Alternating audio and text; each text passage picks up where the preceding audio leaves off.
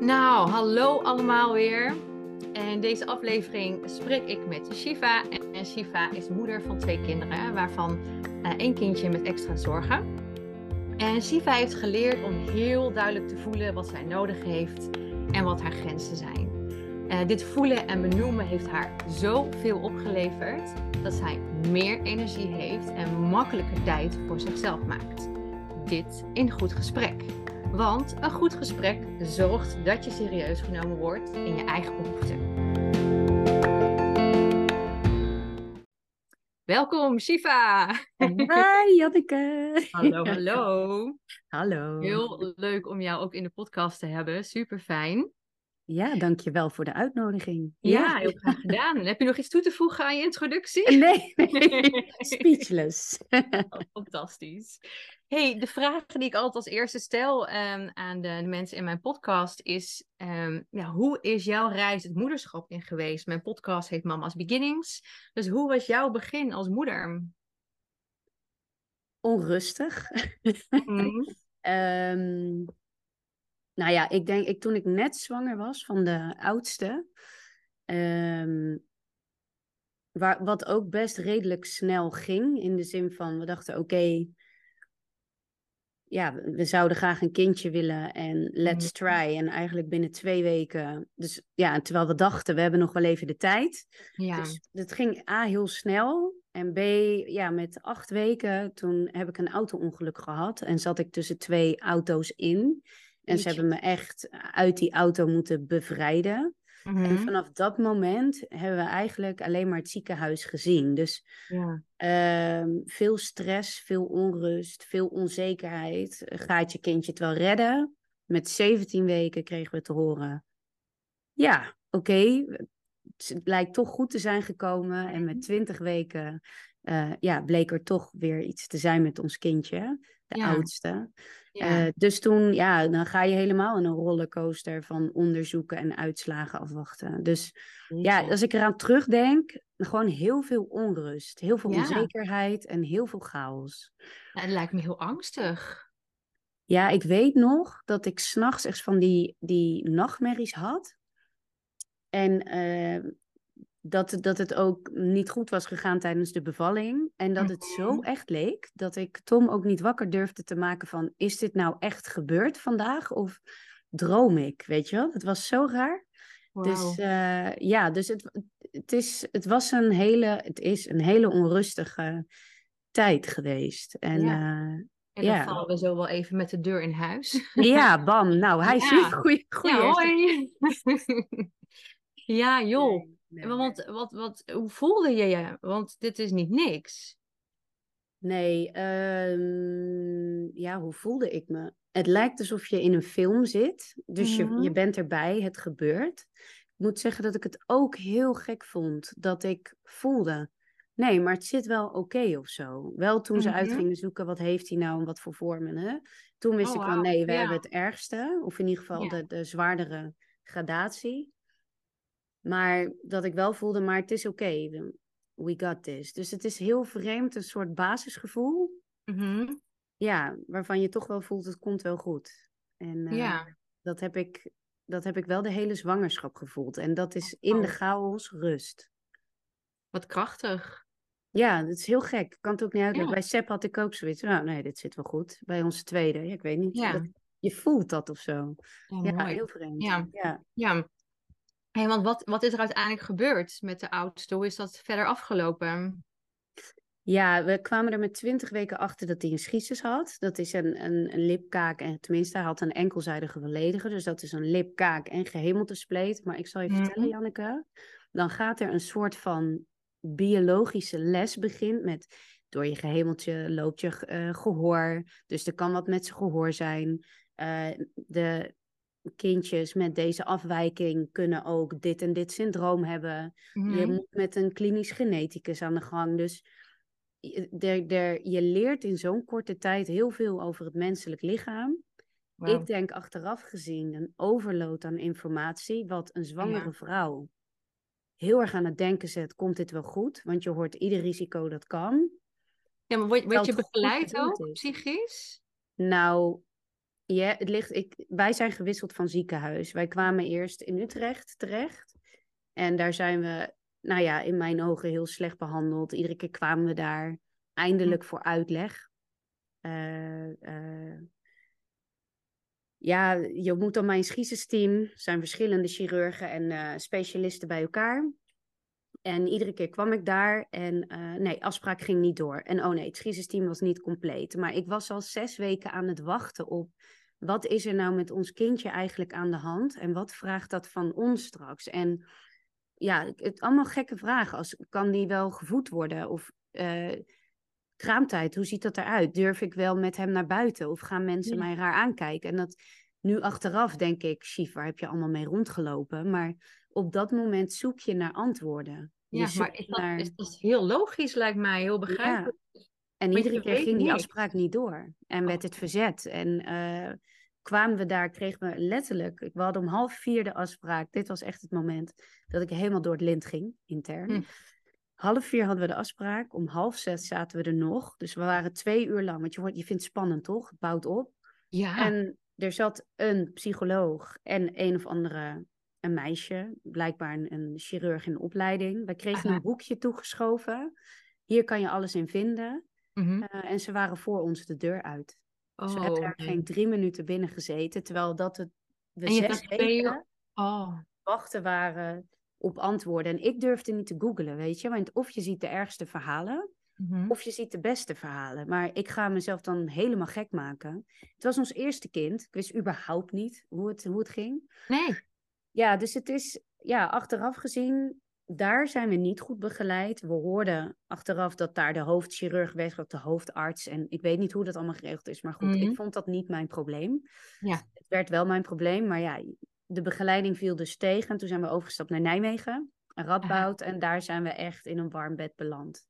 Alle vragen oh, werden beantwoord. We hadden in twee weken tijd echt, nou, drie uur hebben we daar gezeten heel duidelijk foto's laten zien. Wat gaan we doen? Hoe ziet het traject Mhm. eruit? Dus ja, wat mij betreft. Uh, Heel anders. Ja, er is begeleiding. Maar de vraag is, ja, bij wie zit je?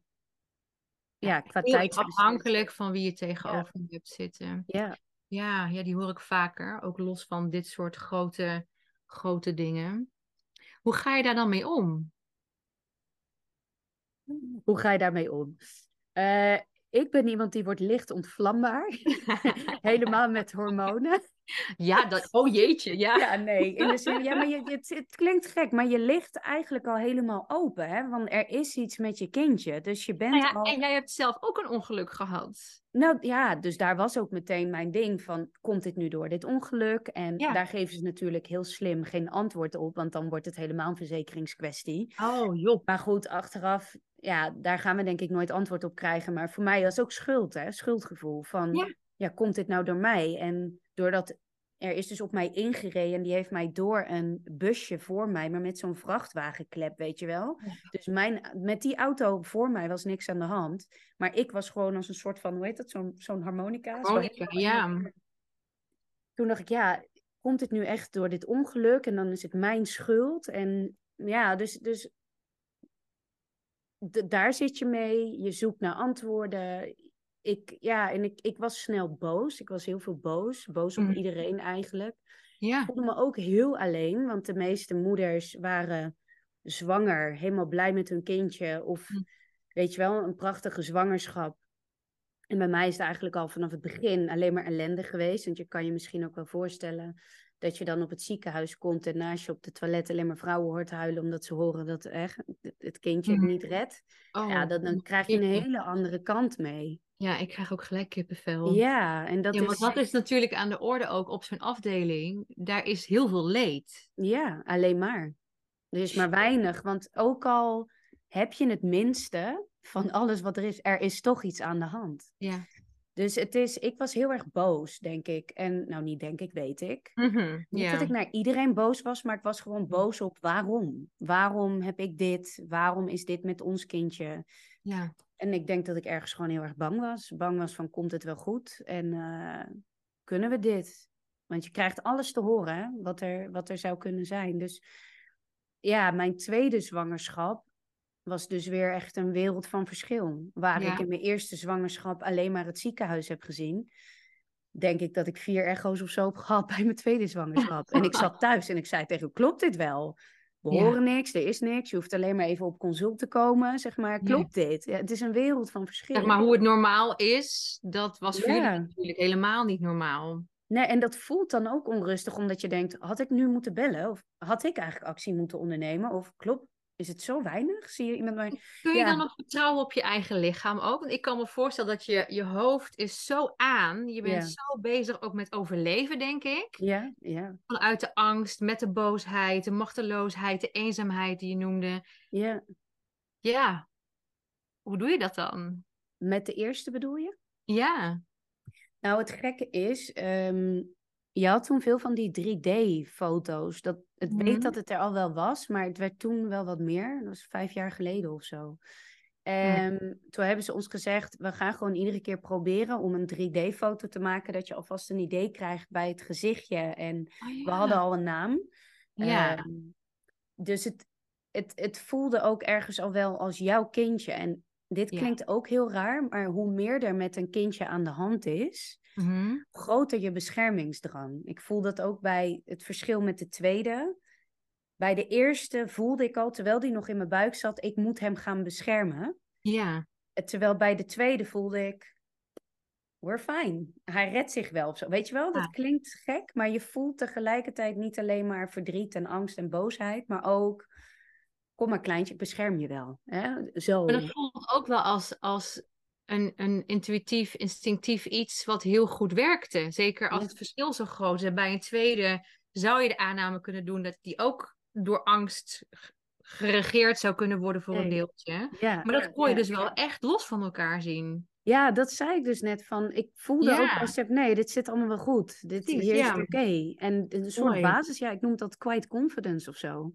Hm. Het is er gewoon. Het, ik voelde gewoon nee. En ik hoefde het niet van, ja, het is gezond. Dat niet zo, maar wel, nee, ik voel gewoon Het weer is, fijn. ja, ja, Ja. is. En het is ook een heel ander kind. In de zin van de hele zwangerschap is anders. En de Ja. hele, ik ben zelf ook niet meer dezelfde moeder als Nee. die ik was bij de eerste, bij Maëlen. Dus Wat is daarin veranderd? eh, ik denk ervaring. Mhm. Eh, dat je de eerste keer dat ik eh, luiers, borstvoeding, weet ik veel wat allemaal. Of de tweede keer dat je allemaal het allemaal wel een keer gezien hebt. Mhm. Eh, ik denk ook wel de intensiteit. Maar Elen stikte heel veel. Dus Mm. eh, ook midden in de nacht. Dus je moest er heel snel bij zijn. Waardoor ik, dat was iedere keer zo intens. Dat als Seb zich een keertje verslikte. Dan zag ik, oh nee, dit is geen stikken, dit is wel goed. Klinkt gek, maar je voelt meer rust. Omdat je Ja. De ernstige dingen ook al gezien hebt. Ja. En net zo goed de leuke dingen. Een kind dat leert lopen voor het eerst. Bij Mhm. Belen was ik bezig, oh nee, hoek van de tafel. Oh nee, was ik er veel meer Ja. alert op. En bij, bij Seb weet ik, oh ja, oh deze fase. Ja, dus je wordt, ja, bij mijn Elen altijd biologisch eten, potjes maken, weet ik veel het allemaal. Weet je, want bij de tweede, ja. ik heb de tijd gewoon niet meer. Nee. Dus je, je Maar wordt... heeft het ook te maken met dat je nog steeds zoveel ziekenhuisbezoeken hebt en zo druk bent met, met alle aanpassingen die je nog voor Elen hebt? Of is dat ook omdat je gewoon Ook. makkelijker geworden bent? Ja, ik denk beide. Ik denk Mhm. beide. Ik denk het is, tuurlijk zijn we heel, heel erg druk en met ziekenhuizen en met ehm, zorgverleners en met hulpverleners en met wat heeft hij nodig en waar moeten we nu weer naartoe, met wie. Eh, tegelijkertijd heb je dus ook oppas te regelen. Van, Mhm. oh ja, we hebben nu een tweede, dus er moeten, komt extra zorg bij. Ja. Eh, en tegelijkertijd voel ik, omdat ik het gezien heb, oh ja, nee, Seb, lukt dit wel. Ik Ja. zie, de kindjes gaan nu proberen te lopen. En bij mijn Elen was ik nog, ja, kende ik die fase nog niet of zo. Of Mhm. ja, anders. Ja, dus ik denk beide. Beide wel. Ja, Ja, want hoe is hij nu ontwikkeld? Heel even kort. Hoe gaat het nu? Want we zijn nu vier, vier jaar, vier jaar? verder. Ja, ja. Eh, ja, hoe gaat het? Ik denk dat we in zijn algemeenheid als gezin en hij als kindje vooruit gaat. Dus Mhm. even een kleine recap. Hij werd geboren en eigenlijk meteen was er paniek omdat niemand wist hoe moeten we hem voeden. Ja. Eh, als, je kan je natuurlijk voorstellen als jij iets vacuüm wil trekken, dus uit een rietje wil zuigen of uit een borst wil zuigen, dan dan moet er geen lucht kunnen. Je moet dat vacuüm kunnen trekken. Maar als er een gat in je mond zit, hè, even oneerbiedig gezegd, dan kan dat helemaal niet. Nee. Dus, En dan ehm, gaat hij ook helemaal doorlopen naar achter, toch? ja, precies. Ja, alles ja, ja. Ja, dus niemand wist hoe moeten we dit kindje voeden. Je, tuurlijk heb je een speciale fles, maar ze, ze hadden daar gewoon allemaal wat meer moeite mee. Dus er was vanaf dag één heel veel stress en heel veel paniek. Wat moeten we met dit kindje? Dus ik had, eh, ik had zwangerschapsvergiftiging. Ik mocht het Hm. ziekenhuis niet uit. Ook nog. En toen we wel mochten, na drie dagen, zijn we meteen in de auto naar Nijmegen gereden. Om Mhm. daar bij het schiesysteem geholpen te worden. Zo voeden, zo voeden jullie je kindje. Hij is Ja, gewoon ja, ja, ja. anders. Ja, dan had hij ook echt dat specifieke, die specifieke afdeling in Nijmegen. voor Ja, dat heb je Ja, echt ja. nodig. Dus ik Ja. weet niet, ja, als je ooit, ik zou gewoon zo snel mogelijk de hulp inschakelen van de mensen die er gewoon heel veel verstand van hebben. Anders blijf je ploeteren en iedereen vertelt je weer Ja. wat anders. Je wordt helemaal gek. Dat is een Dus- Radboud bij jullie geweest, denk ik, hè? Radboud. ja, eh, Radboud, ja, UMC, ja. ja. En ehm, dus vanaf dat moment, dus eigenlijk echt vanaf dat hij al geboren is, hebben we eigenlijk alleen maar het ziekenhuis gezien. Tot, en dat, ja, je moet ook zien dat het ziekenhuis is niet per se een warme plek, hè. Het is witte TL-verlichting, het is best wel koud. Ze hebben niet ziekenhuis tijd. Ja, Ja. het is niet per se Radboud hoor, maar op iedere plek waar we nu allemaal zijn geweest, het is gewoon zoveel tijd hebben we. Ja. Er zitten hier zoveel artsen en binnen die tijd moet het geregeld worden en niet, hé, hey, eh, hoe voel je je? We gaan nu met een lampje in je oor kijken. Ja, als die nog steeds aan het krijsen is, dan doen ze het gewoon. Dus Ja.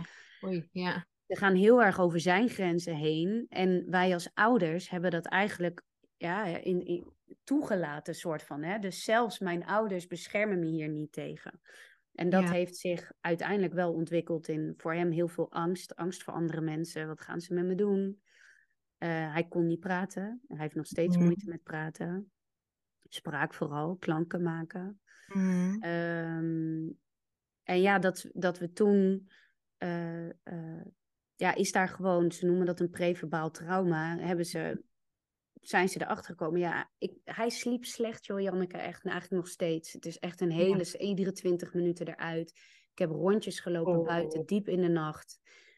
En dat is gewoon stress geweest. Maar goed, wij weer kijken voor een slaapcoach. We Mm. hij at heel slecht, heel moeilijk. Ja, wij weer kijken, oké, hoe gaat hij dan beter eten? Ehm, ja, toch heel veel angst. Heel veel angst hebben voor volwassenen. Wij weer kijken, oké, hoe gaan we dat dan weer aanpakken? Dus Ja. Kan die meer rust in zijn lichaam? Dus een osteopaat en zo. En allemaal waren het stuk voor stuk hele goede mensen die ons begeleid hebben. Maar het Mhm. waren symptomen van het echte probleem. En dat was Ja. het trauma. Ja. Dus wij Ja, hebben... preferaal trauma is dus trauma wat, wat opgelopen is voor een kind kan praten. Even. Ja, precies. Ja. En ook eh, bij hem is het dus vooral medisch ontstaan. En zich Mhm. dus ook niet eens veilig voelen als Ja. je ouders erbij zijn. Ja. Normaal kan je op je ouders terugvallen. Maar nu heeft hij ervaren, mijn ouders laten het ook gewoon toe. Dus Ja. daar hebben we een hele lange weg over gedaan. Om... Want dit is wel even iets, Mhm. denk ik, om bij stil te staan. Want hij wordt eigenlijk al, nou ja, hij is al met een, een, een groot probleem geboren. Mhm. Vervolgens moeten daar regelmatig ingrepen gedaan worden. Ja, operaties. en dat moet snel gebeuren, want artsen hebben weinig tijd. Mhm. Los dat het hele adequate, lieve mensen zijn, dat Ja. is gewoon zo. Ja. En vervolgens zeg je eigenlijk, doordat we dit hebben moeten toestaan, heeft hij Mhm. eigenlijk een probleem ontwikkeld naar ons toe. Want wij waren niet meer veilig. Ja. Ja. Dat, Ja. dat, dat Ja, vind ik en wij-. Ja, dat is het ook. Dat is het ook. En ik denk toen ik dat voor het eerste hoorde, toen was hij al 2,5. Mhm. Want er is zoveel huilen, zoveel angst, zo slecht slapen, zo weinig eten, uiteindelijk heel veel woede, maar echt buitensporige woede. Het is niet een peuter wordt boos. Dit was, hij treedt gewoon buiten zichzelf. En op een gegeven moment, je blijft zoeken, maar je denkt, wat, wat is dit nou? Wat is er met je aan de hand? En het was zo, zo, eh, ja, wat ik zeg, buitensporig, dat heel veel zeggen, ja, grenzen stellen. Ja, grenzen stellen, lief schat. Dit gaat verder dan grenzen stellen. Er is iets anders met hem aan de hand. En toen zijn we eh, bij een hele fijne specialist terechtgekomen. En zij zei Mhm. eigenlijk meteen, jongens, ik wil met jullie gaan zitten, maar er is hier iets veel diepers aan de hand dan. Ja. Jullie werken op symptoomniveau, hè, wat ik zei, beter leren slapen, beter leren eten, rust komen. Ja. Ja. Maar jullie hebben een heel ander probleem. En dat is eigenlijk ja. hechting en veilig voelen in de wereld. En vertrouwen voelen in dat het goed komt. Ja. En toen kwam ik erachter, doordat wij met haar samenwerkten, dat ik daar ook een rol in gespeeld heb. Ja, dan ga je kapot. Want je Ja. wil dat je kind gelukkig is. Je wil dat je kind nou, een vrij ontspannen leven heeft. Ja, je hebt het beste met je kind voor. Dus ook die, de handelingen die gebeuren moeten, zijn ook voor zijn bestwil. Precies. Ja, Dat lijkt me heel complex. Want Dat je is ziet het gebeuren wat hem ja, mega van de wap brengt. ja. Maar intussen moet het wel gebeuren, want anders zijn er weer andere consequenties. Ja, en je kan het hem niet uitleggen. Hè? Kijk, heb je een kind van 16 en je legt uit, joh, we hebben een operatie hier en hier voor. Maar ik denk, hij is nu vier, hij is echt wel slim. Maar dit, hij begrijpt, oké, operatie, dan gaan ze iets maken wat kapot is. Ja. Maar of hij nou echt beseft wat een OK is en wat, wat het echt inhoudt, nee, dat denk ik nu nog steeds niet. Nee. Wel waarom? Ja, ze gaan, dan zegt hij wel eens, ja mama, mijn lipje was kapot en die hebben ze gemaakt. Dat doet Ja. hij dan natuurlijk in gebarentaal, want Ja, hij kan nog niet echt praten. gebarentaal, hè? Ja. Ja, dus ja, dus. Maar tegelijkertijd voelde ik me ook heel erg serieus genomen. Dat ik eindelijk een antwoord kreeg op wat is er nou eigenlijk aan de hand. En dat het wel even wat verder gaat dan grenzen stellen. Ja, ja, ja. Ja, het klinkt gek, maar soms ben je ook op zoek naar een antwoord. Ook al is dat antwoord niet leuk om te horen. Ja, Eh, maar daardoor kom je er wel achter. Ja, ja, kan ik me voorstellen. wat kan ik nu doen? Ja, eh, om hem te helpen. En ook realiseren, en ik denk dat heel veel ouders dit voelen bij hun kind die pijn heeft. Of die, je wilt niet dat je kind pijn heeft. Hè? Laten we even, even serieus. Dus het is, je moet, toe, je moet toekijken ja, ja. je toch Oh. enigszins machteloos bent naar hoe je kind struggelt. Maar dat vraagt iets van mij. Maar hoe doe je dat? Ah, Ja, ik denk dat ik he- heel erg geleerd heb verdragen en mezelf leren reguleren. Ik denk dat, nou, we zitten op, en het is teruggeschroefd inmiddels, maar nou ja, nee, er zijn er ook weer drie bij. Dus ik denk, we zitten echt op 56 hulpverleners en er zijn er nu een paar af en een paar. Nee, maar dit is geen grap, maar de boodschap zit op, op hoe blijf je zelf rustig in deze chaos? Hoe doe je dat? En hoe... Ja, maar zeker als jij hoort dat jij debet bent aan het trauma van jouw kind. En Ja. dat er een hechtingsprobleem ontstaan is. Hoe hou je jezelf staande? Ja, je voelt berusting. Ik snap wel? het wel. Ja, ik. Maar ik ben niet. eh, een, iemand anders kan het ook anders voelen hè, of ervaren. Ik denk ook. Ik vind het heel erg fijn als er een oplossing is. Of als er een. Richting eh, misschien weer een... Ja, een, een Ja. resultaat is van iets. Ja. Ook al vind ik het niet, de boodschap niet leuk om te Ja. horen. Ja, En ik ben ook niet per se, oh ja, nee, leuk, eh, ik baal even en ik ga weer door. Nee, ik heb er echt verdriet van gehad. Maar ik kan het helemaal plaatsen. En Ja. ik, ik, sta ook helemaal, ik sta er ook helemaal achter dat hij zich zo voelt. In de zin van, ik snap het wel. ja. Want ik voelde ook, ja, Tom hield me iedere keer zo. Oké, dit kan je niet horen als je je niet zien als ik het, eh het Ja. Maar die hield me iedere keer zo een handje, hield me tegen van Ja, Shiva niet ingrijpen. Shiva, het is ook voor hem. Eh, omdat ik dan eigenlijk hem meteen op wilde pakken en naar buiten wilde rennen. Van jullie blijven gewoon van mijn kind af. Dus ik, ik voelde dat. Dus ik kan me heel goed voorstellen dat hij heeft gevoeld: papa, mama, waarom hebben jullie mij niet geholpen? Mhm. Dus ik, ik snap als het daar vandaan komt, of dat Mhm. het daar vandaan komt. Dat. En ik, ik snap dat hij daardoor ja, het ook moeilijker heeft, lastiger heeft dan een, Mhm. een gemiddeld kind, om even Ja. zo te zeggen. En hoe herstel je dit? Eh, ik denk dat hoe, ik, hoe mijn band met mijn Elen is en wat helpt herstellen is deels, moet ik wel zeggen, wij hebben EMDR nu uiteindelijk eh, voor hem gehad. Ja, haalt het niet weg, maar het haalt de scherpe randjes wel ervan af. ja, Eh, het is iedere dag er staan voor je kind met je volledige aandacht ja. zien wanneer bij hem de spanning oploopt. En dat is, ik doe, ik kom van buitenaf en ik ga mijn jas uitdoen. Maar ik weet dat mijn Elen moeite heeft met overgangen. Dus dat betekent, oké, we gaan ons aan jouw tempo houden. En pas Ja. als jij klaar bent, doe je je jas uit. Mhm. Terwijl je heel scherp in de gaten houdt wanneer manipuleer je om je zin te krijgen en wanneer heb je het moeilijk. Dus Als Maelen, die kan ook manipuleren, zeg maar. Zoals ieder kind. ik denk dat hij heel goed weet Oh. hoe die tantes en oma's voor elkaar krijgt om te kopen wat hij wil hebben. Oh ja, Of snoep of ijsjes of nee, maar niet. Hij, hij manipuleert dat niet, maar hij kan wel, doordat hij zijn zin Ja. niet krijgt, ja, in een soort van trigger gaan.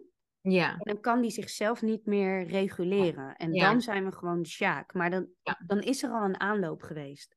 Ik ben heel gericht op hoe word jij wakker? Hoe Ja. hoog zit je spanning? ja, het is niet zo ergens wel, maar dat ons hele leven om mij heel en heen draait. Maar ik zie, ik zie in één seconde al, oké, zijn spanning loopt op. En dan Mhm. ga ik met hem reguleren. En soms is dat, weet niet of je dat boek kent, De Kleine Kikker. Het is een meditatieboek voor kindjes. ja, mooi team. Nou, dan pakken we er een kikkertje bij. En dan gaan Ja. we eens kijken, wat doet de kikker?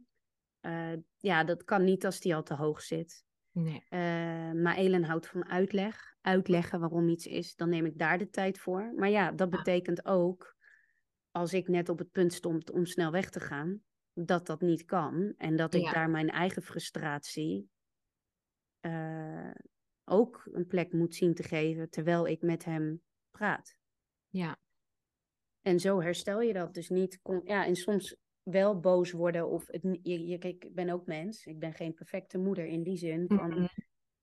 En dan zeg ik, ja, mijn hele mama is ook heel verdrietig over hoe dit loopt. En ik kan me heel Ja. goed voorstellen dat jij nu ook, eh, dat, het- dat jij dit helemaal niet leuk vindt. En dan, dan is het ook al oké. Hij is Ja. niet rustig, maar het, gaat, het loopt niet verder op. ja. En hij is misschien ook meer op een leeftijd dat hij dat iets meer kan, begrijpen ook. Want je Ja, gaf hij is slim, hij is nu vier jaar oud. ja.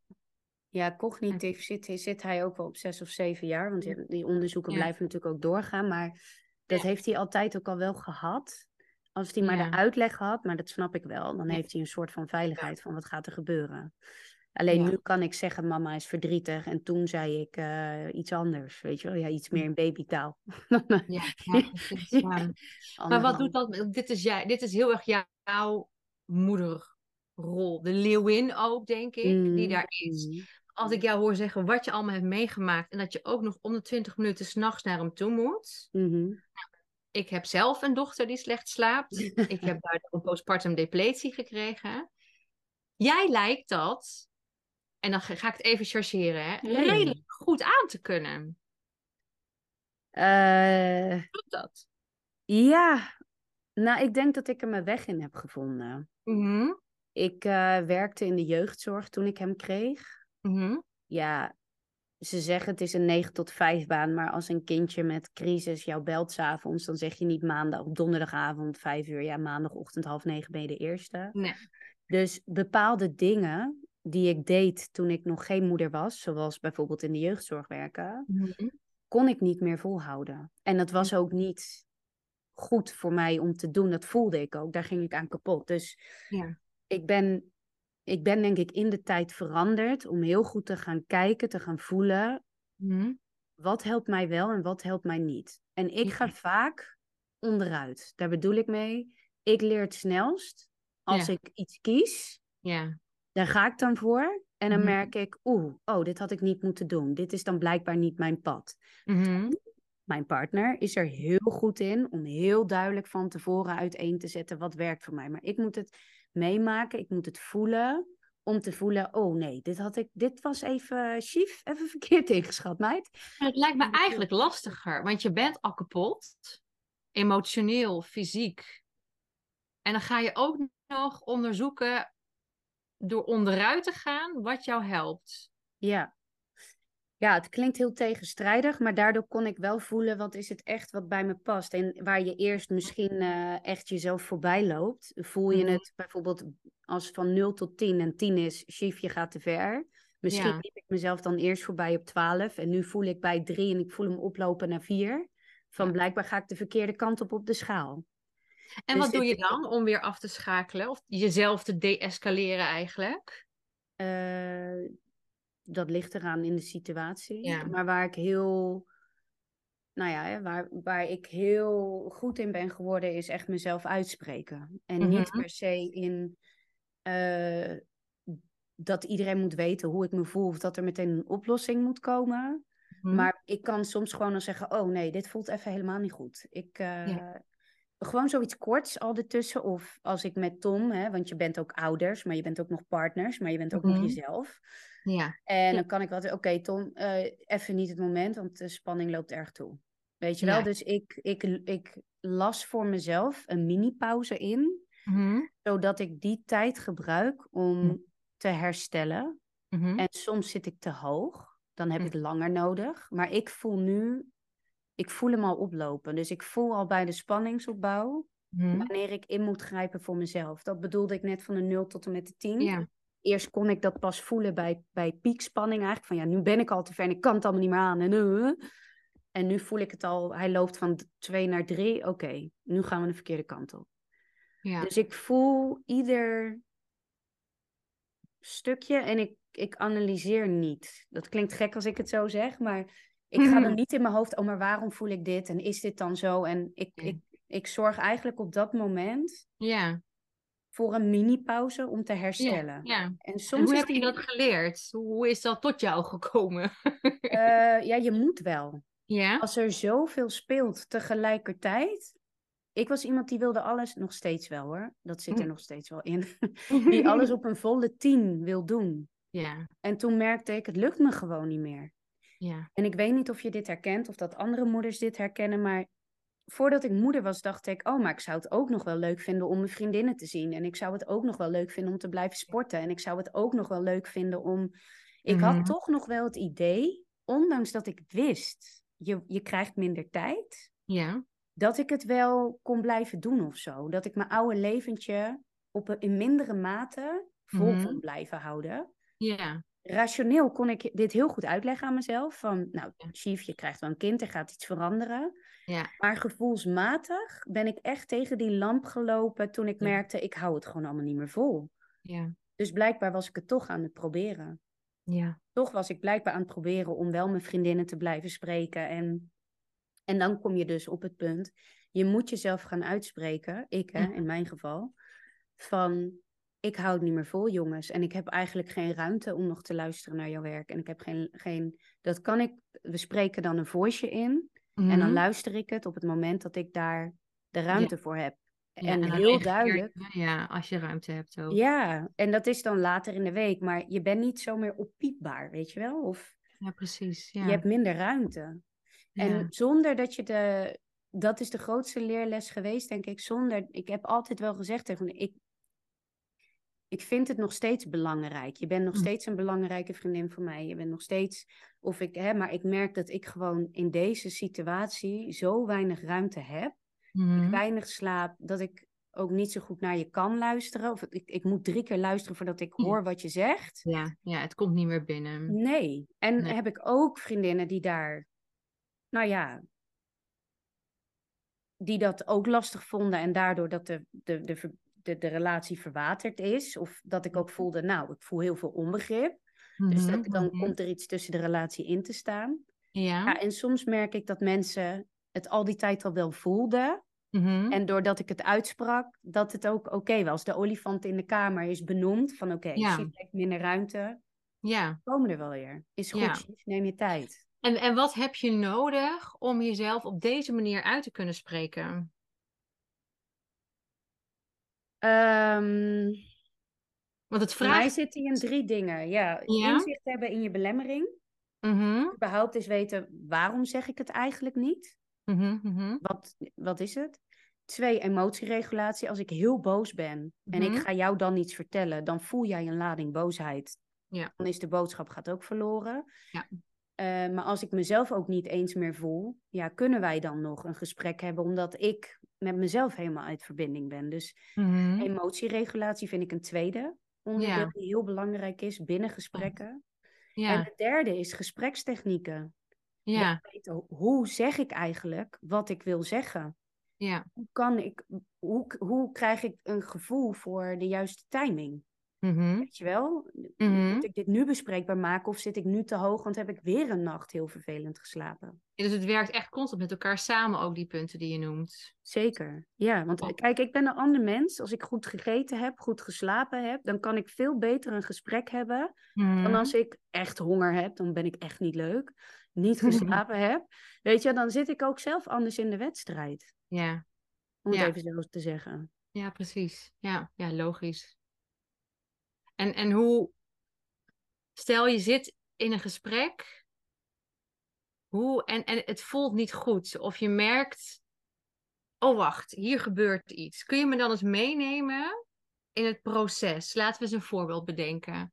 Ehm, kijk, met je partner kan een voorbeeld zijn, nou laten we een schoonmoeder nemen. Ik denk dat die voor velen wel kan resoneren. Je hebt een schoonmoeder die op een andere manier kijkt, denkt, mee opvoedt eh, op het moment dat zij eh, in charge zijn van jouw kind, dan dat ze oppassen dan jij hebt. En dat voelt niet goed. Dat zou eigenlijk benoemd mogen worden, maar dat is te lastig. Want spanning, want mensen vinden het moeilijk om in gesprek te gaan, want eh, we willen graag dat alles gezellig en koek en ei is. Eh, we zijn bang voor reactie. We hebben misschien ook geen vertrouwen in het resultaat. Er kunnen heel veel dingen meespelen, waardoor een gesprek echt onwijs moeilijk is. Mhm. Dus als we deze casus even nemen, hoe, hè, die, die punten die jij net noemde, hoe verhouden die zich dan op een moment dat je ervoor wil kiezen om het gesprek wel aan te gaan? Ja, eh, dat zou voor mij per advies ook verschillen. Wie heb ik voor me? Hè? Ja, In de zin ja. van waar, waar ben je. De een heeft altijd meer. eh, ja, het is ook persoonsgebonden van waarom. Wat is nou echt de reden dat je het spannend vindt? Maar ik ga toch Ja. uitleggen. Eerst is die belemmering is eigenlijk Ja, inzicht krijgen in wat belemmert nou. En ik hoorde jou net zeggen van je wil dat het koek en ei is. Of vaak willen we het doel van harmonie niet loslaten. We hopen toch, hè, als wij het gesprek aangaan met de ander, nu doet iemand iets waar jij het niet mee eens bent. En Ja. in ons hoofd werkt het toch zo, op dit moment, klinkt even heel hè, eh, gechargeerd, maar dat is de dader, die doet Mhm, iets. mhm. ja, En ik ben daarvan het slachtoffer. ja, het moment dat je je gaat leren uitspreken ja, en je laat het doel van harmonie, want dat is wat je gaat doen, dan moet je eerst het doel van harmonie leren loslaten, weten dat er Mhm, een botsing kan ontstaan. mhm. Maar dan kan het ook nog wel eens zo zijn dat jij ineens de dader wordt. Dus dat je achteraf, dat door dat conflict, ja, jij uiteindelijk uit het gesprek met gaat, oh nee, maar nu heb ik het allemaal gedaan en word ik erop aangekeken. ja, dus vaak zijn we bang als we onszelf gaan uitspreken, dat we zelf de dader worden mhm. in het gesprek. En dat er ook nog eens een keer geen harmonie is ook. ja, ja, dat is eng. Dat is, ja, dat, dat is eentje die ik heel veel terughoor van, ja, maar als ik, dan ben ik bang dat ik iets verkeerd zeg. Of dat ik de Ja. ander kwets. Of dat ik Ja. de ander dit. Dus dat maakt Mhm. jou, als het ware, dan de dader. Daar kunnen we ook niet zo goed mee leven. Ja, ja. Ehm, dat is eentje. Maar twee is, wat is je doel? Mhm. Waar hoop je op als je dit gesprek aangaat? Hoe, wat werkt, zijn er al dingen die al werken? Wat werkt erin wel, wat werkt erin niet? Maar we zitten Mhm. vaak op het probleem. Ja, Namelijk, jij hebt mijn kind nu een snoepje gegeven, terwijl ik heb Ja. gevraagd of je er geen suiker wil geven. ja, En als jij dan ziet, wat is mijn doel? ja, Ik wil dat jij een mede-opvoeder wordt binnen ons integrale opvoedingsplan. ja, dat we dit allemaal dragen ja, om dezelfde grenzen te stellen. Maar we gaan vaak in op, dit is het snoepje en ik vind niet dat jij die mag geven. Dus ik zoom altijd eerst uit. Dus wat is Mhm. de belemmering en wat wordt je doel dus? ja, Wat ja, wordt je conversation purpose? Wat is je Ja. doel? Waarom Ja. doe je dit? ja, Dan kom je bij het stukje regulatie, zelfregulatie. Mhm. Want waar jij het allemaal over hebt, van spanning, daar Ja. begint die. Het Ja. moment dat in jou de spanning toeneemt, misschien Mhm. herken je dat wel, je wil een gesprek aangaan, in je hoofd ben je er al mee bezig. En ja, dan je voel je zelfs scenario's aan al, het bedenken. Ja, precies, je gaat aan.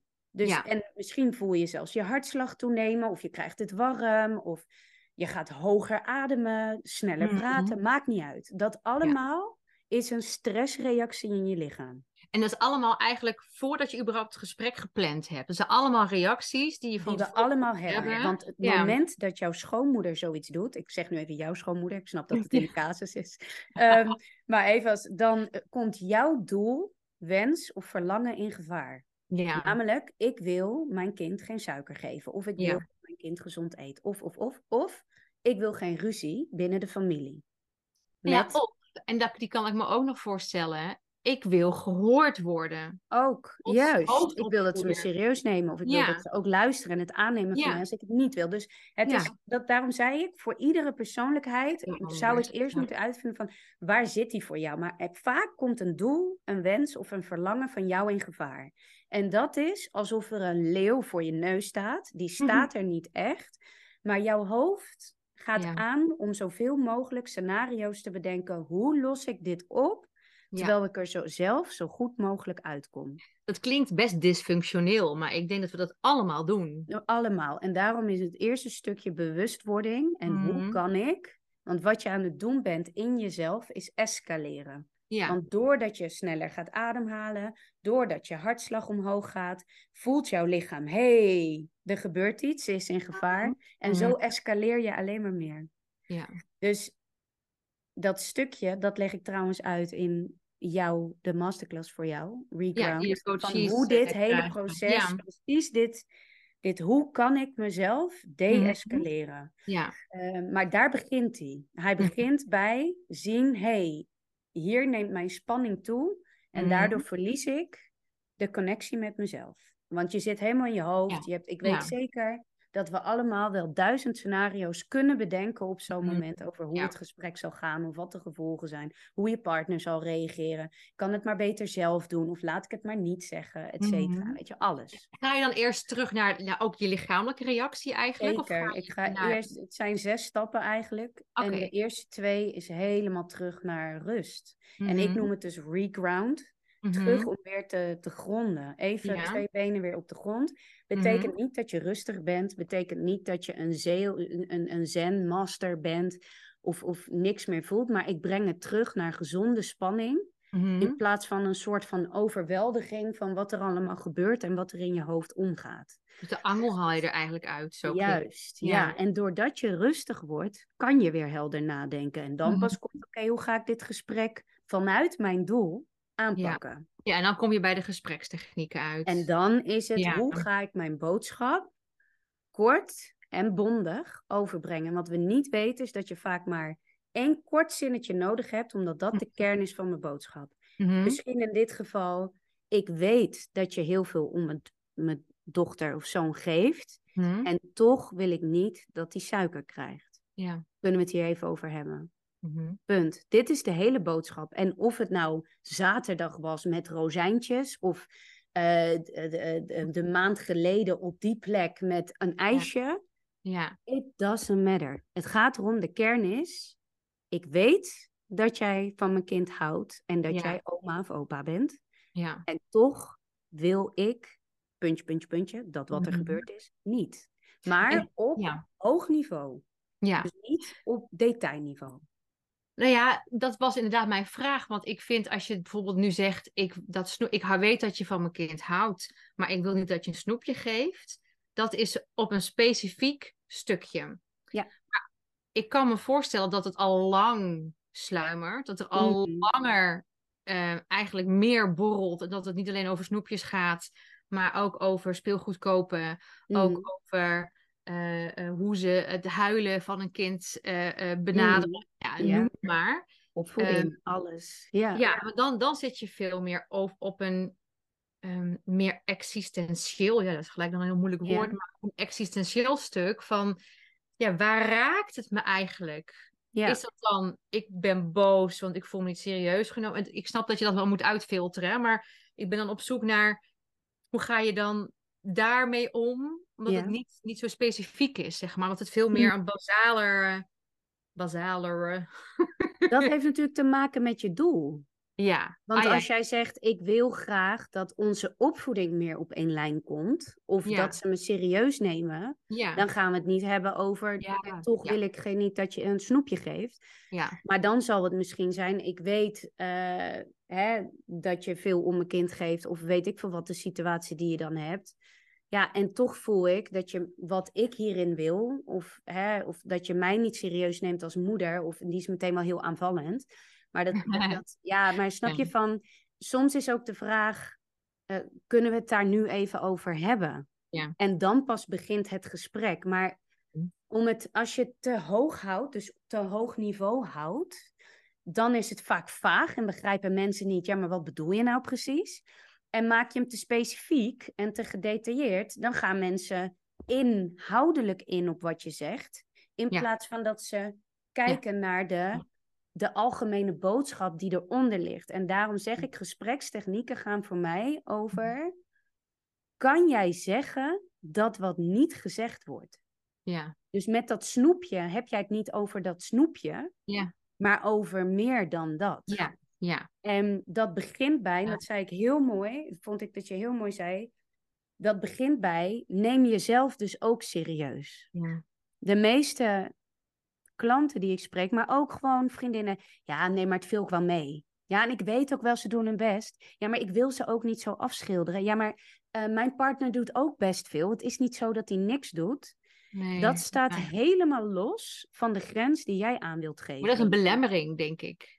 Dit Juist. soort gedachten zijn belemmeringen. Ja. Juist. Ik vind het mooi wat je zegt, is durf je te kijken naar wat er onder het snoepje zit. Ja, en kan je dat Ja. dan benoemen? Ja, ja, Kijk, en, als, en daar, daar zit heel veel spanning of ook vaak boosheid of verdriet bij. Hè? Dus die emotionele lading, kom ik weer terug op zelfregulatie, ja, zit hem in hoe ga ik zeggen tegen mijn schoonmoeder, terwijl ik voor de honderdduizendste fucking keer, bij wijze van, Mhm. heb gezegd, doe dat niet. En ze doet het gewoon weer. Neem Ja. me even serieus alsjeblieft. Dus je hebt ook nog wat te doen met die emotionele lading die anders op je boodschap ligt, waardoor zij voelt wat niet gezegd wordt, namelijk ik. Eigenlijk spiegelt in dit geval je schoonmoeder ook jou. Ja, Want ze laat ook zien waar jij weerstand en verdriet en machteloosheid op voelt. En dat zegt natuurlijk veel meer iets over dat wat er intern gebeurt dan wat de ander doet. ja, Neem je dat ook mee? Ja, ja. Nou ja, ja, ook. Ja, maar het begint Ah. natuurlijk bij waarom raakt dit mij? Kijk, als ik nu Ja. naar de supermarkt loop en ik haal een, eh, een pakje rijst en ze zeggen, ja, sorry mevrouw, die hebben ze niet vandaag. Ja, dan ben ik niet zo van mijn padje dat Nee. als ik naar het ziekenhuis toe rijd met mijn kind daar zit, een half uur in de wachtrij zit, zo, ja, sorry mevrouw, toch is de arts er niet die u zou moeten spreken. Ja. Ja, dat heeft een hele andere lading, hè, bij wijze van. En Mhm. of, of iemand die, die gewoon gaat. Maar ik, ja, ik, voor mij zit hem in. Er is vaak schade opgelopen in jullie relatie. En Ja. jullie, met, met wie je dan ook tegenover je hebt. Je partner, Ja. je kind, eh, je eigen ouders misschien wel, je schoonfamilie, vriendinnen, collega's, werkgever, klanten. Maakt niet uit. Het Mhm. moment dat er is iets gebeurd in jullie relatie wat Ja. schade heeft opgelopen. En vaak hebben mensen geen idee hoe die schade er eigenlijk uitziet. Mhm. En het is hetzelfde als dat je, nou laat ik even een auto-ongeluk noemen, dan zie je de schade en weet je, oké, dit moet ik repareren voordat die auto weer kan rijden. Ja, En het staat los van de ander, ongeacht of de Mm. ander je vergeeft, nog steeds boos is, ongeacht of je eruit komt, ja, als jij serieus genomen wil worden en dat mensen naar je luisteren, zou je eerst serieus moeten nemen van jezelf, ja, ongeacht wat een ander ervan vindt. Ik vind het echt niet tof hoe jullie met mijn kind het huilen omgaan, of met dat snoepje omgaan, of met Ja, wat er ja. dan ook tussen jou en je schoonouders gebeurd is. ja, Maar, want het, het, je, de relatie loopt schade op, zolang je niks zegt. En die schade wordt groter, En dan kom je weer uit bij dat goede gesprek wat zo belangrijk is. in mijn ogen. Mooi, Ja. Hey, en Shiva, jij hebt een bedrijf waarin je mensen helpt dat goede gesprek eh, te voeren. Ehm, kun je daar nog kort iets over zeggen voordat we gaan afronden? Ja, dat? Nee. dat valt samen. Nee, nee, nee, nee, nee. Nee, wat, ja, wat ik daarover kan zeggen. Ja, ik, ehm, wat ik eigenlijk doe, is mensen helpen om het moeilijke gesprek aan te gaan. Ja. En door dus te gaan staan voor ja, wat je belangrijk vindt of wat je wil. Of hè, wat ik Mhm. net zei, ik hou zelf als moeder heel weinig tijd over. Echt voor mezelf. Echt even. Ja. Ja, als ik. Het is niet zo dat ik geen rekening hou met anderen of dat ik het niet belangrijk vind. Want dat vind ik een misvatting die ik heel Mm. veel voorbij zie Oh, komen. ja. Van kiezen voor jezelf. Ja, Maar ik je denk mag niet dat je- egoïstisch zijn, maar dat, dat, is- ja, dat is ook, kunnen we ook een podcast over maken, denk ik. Ja, maar ook Ja. wel, je kan ook in verbinding met een ander zeggen, Ja. joh, hè, eigenlijk in mijn woorden, ik zie dat er schade is opgelopen.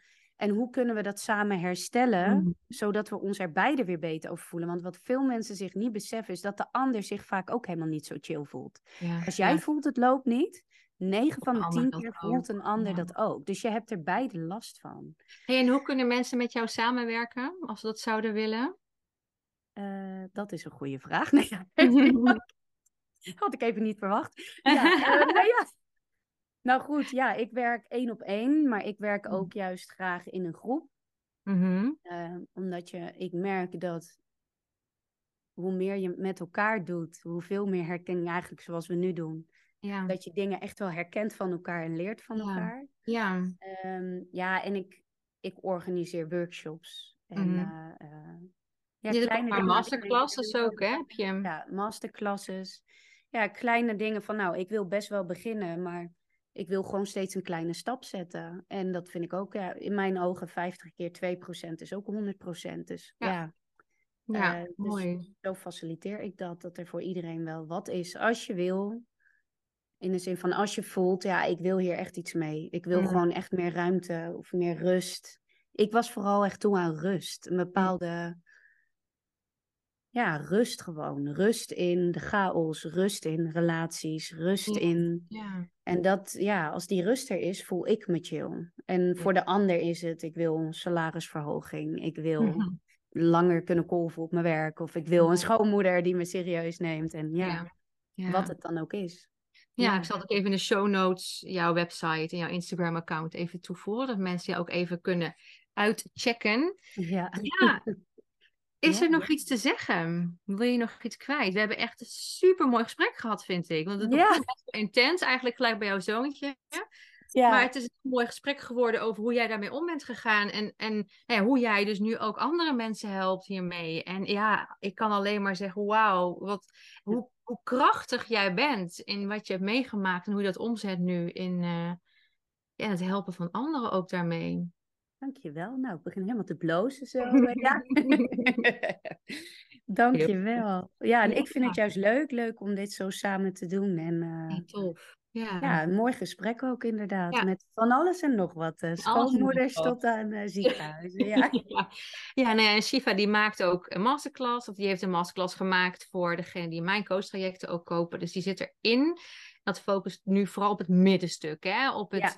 Hoe reguleer je jezelf voor je zo'n gesprek aangaat. ja. Ehm, dus ja, er kan meer Shiva in je leven zijn. Nee. hey Shiv, super bedankt dat Ja, je ook, bij ja. hier het Ja, gesprek ja. in wilde. En ehm, Ja. eh, ja. Nou, jij ook bedankt. En eh, nou, ik, eh, ik, ben, ja, ik ben gewoon heel benieuwd naar, Ja. ja. ja, naar hoe dit zich allemaal gaat ontwikkelen. Ja. Leuk, leuk. Ja, zeker. Nou, heel fijn. Dankjewel. Ik-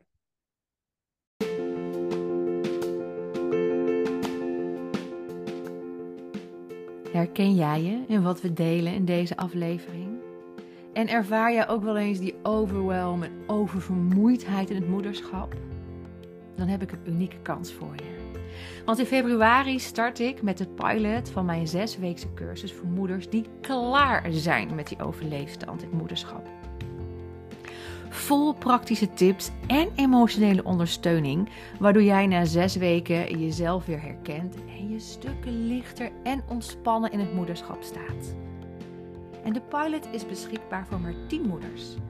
En dit is echt een unieke kans, omdat dit de enige keer wordt dat ik met jou vooraf, halverwege en aan het eind coachsessies inplan om helemaal de diepte in te gaan. En ook deze bizar lage prijs komt nooit meer terug. Dus schrijf je in via de link onder deze aflevering en dan hou ik je op de hoogte.